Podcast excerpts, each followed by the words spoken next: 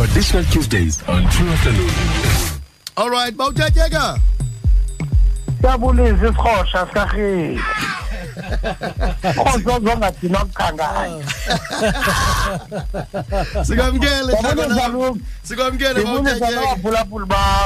enkosi tata. Um namhlanje sithela ngokuncama. Um kuzafuneka sikuqaphele okokuqala um eh. Ukuba ukuncama kuyenziwa ngumkhwetha oyesuthwini kuyenziwa yintombi engena ebuntonjaneni kuyenziwa yintombi esiwa uduli kuyenziwa ligqirha elithwaswayo ukungena kwisiqendu esilandelayo. Kodwa ke namhlanje ndi- ndi- ndi- ndithemba into yoba sizawuthetha ngokuncama kwenkwenkwe. Yes funa kanye kona kwenziwa njani? Eh okokuqala nje uthe ukuncama kuyintoni? Eke?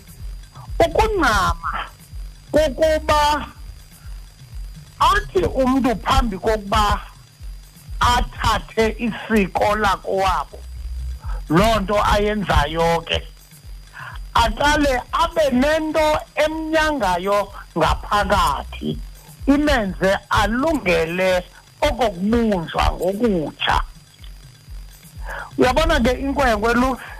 Yes bawutyatyeka iyokwenziwa umntu omkhulu xa isaluswa iyokwenziwa indoda. Mm. So njengoba isenziwa indoda nje zininzi izinto ezawudibana nazo inkwenkwe kulaa meko yokwakhiwa kwayo njengendoda.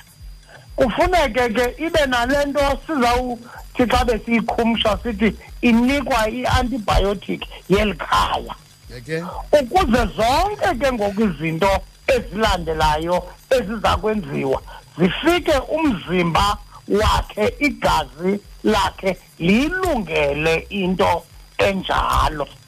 Okay. Le nto yokuncama ke ayenziwa nanjani? Na kufuneka ukhutshwe isithika. Kumkhono wasekunene. Uyawuyazi ke into yokuba into yasekunene kuthi soloko ithathwa njengento enobunyulu njengento enamandla njengento ekhule ngokupheleleyo.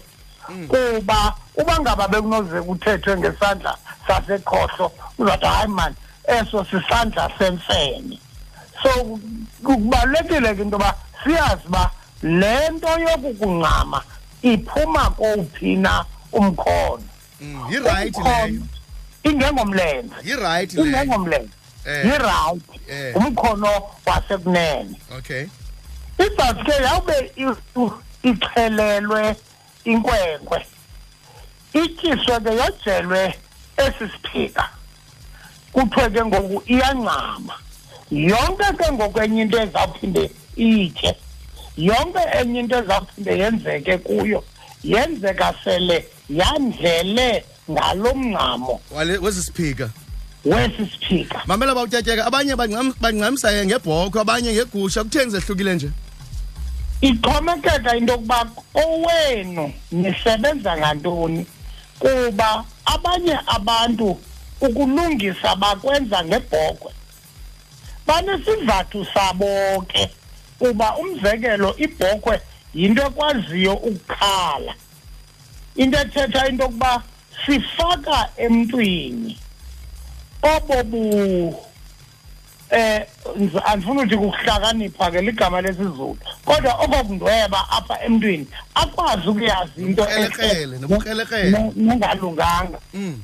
Bazawuthi aba basebenzisa igusha kuthiwa hayi thina sisebenzisa igusha kuba xa umntu wethu simenze wafuza igusha enye yezinto anazo zimbini into ezibalulekileyo? Kukunyamezela funeka umntu abe ngumntu ngokukwazi ukunyamezela ukunyamezela kwi-physical sense nokunyamezela kwi-psychological sense. Eyesibini igusha njengoba inoboya sakha abantu abanobushushu ebantwini. Okay. Sizama ndizama ukuthini ke? Ndizama ukuthi akukho utyhulu kulo wenza ngebhokhwe nalo wenza ngegusha. Okay. Eh, bawutyatya khoma khwe ngadla ngoziba ngamanye amaxesha uyibone ingene kulo mzi. Xa kuthiwa kanti kwenza into ezifana nezo uyibone yolukile ingenzela into ezifana nezo kwenziwe le yalapha ikwekwe yoluke iphume umntu ongazange ancame ingaba kukho apho avaleleka khona? Zininzi kangangoba ndizibone kakhulu both kubantu abangamankwenkwe nakubantu abaziintombi Mm. ukuba ngaba inkwenkwe ithe ayancama enye yezinto ezixhaphakileyo ezenzekayo kuyo ibe kukuba angaphili lo mntu. Okay.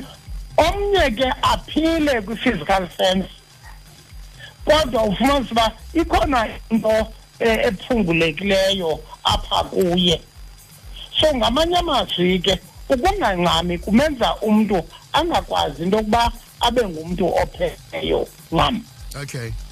All right. Bawutyatya ke masibulele kangangokuba Eh. kangangokuba ke luksi mandigqibezele kangangokuba uthi umkhwetha sele ezibile. Into yokuqala ekufuneka siyenzile thina bakowabo ibe kukusa igusha okanye ibhokhwe yakho into yoba iyomngxamisa. Nokuba ngaba sele enze loo nto ke engakhange agqithe kuthi. All right. Well bawutyatya ke masibulele ngwevu yakuthi? Ndiyabulela luksi ndiyabulela. Enkosi xhego lam ya bawutyatya sithetha ngokuncama madoda namhlanje. Wow i- isixhosa sinzulu ya? True afternoon, Monday to Friday, 3 to 6 p.m.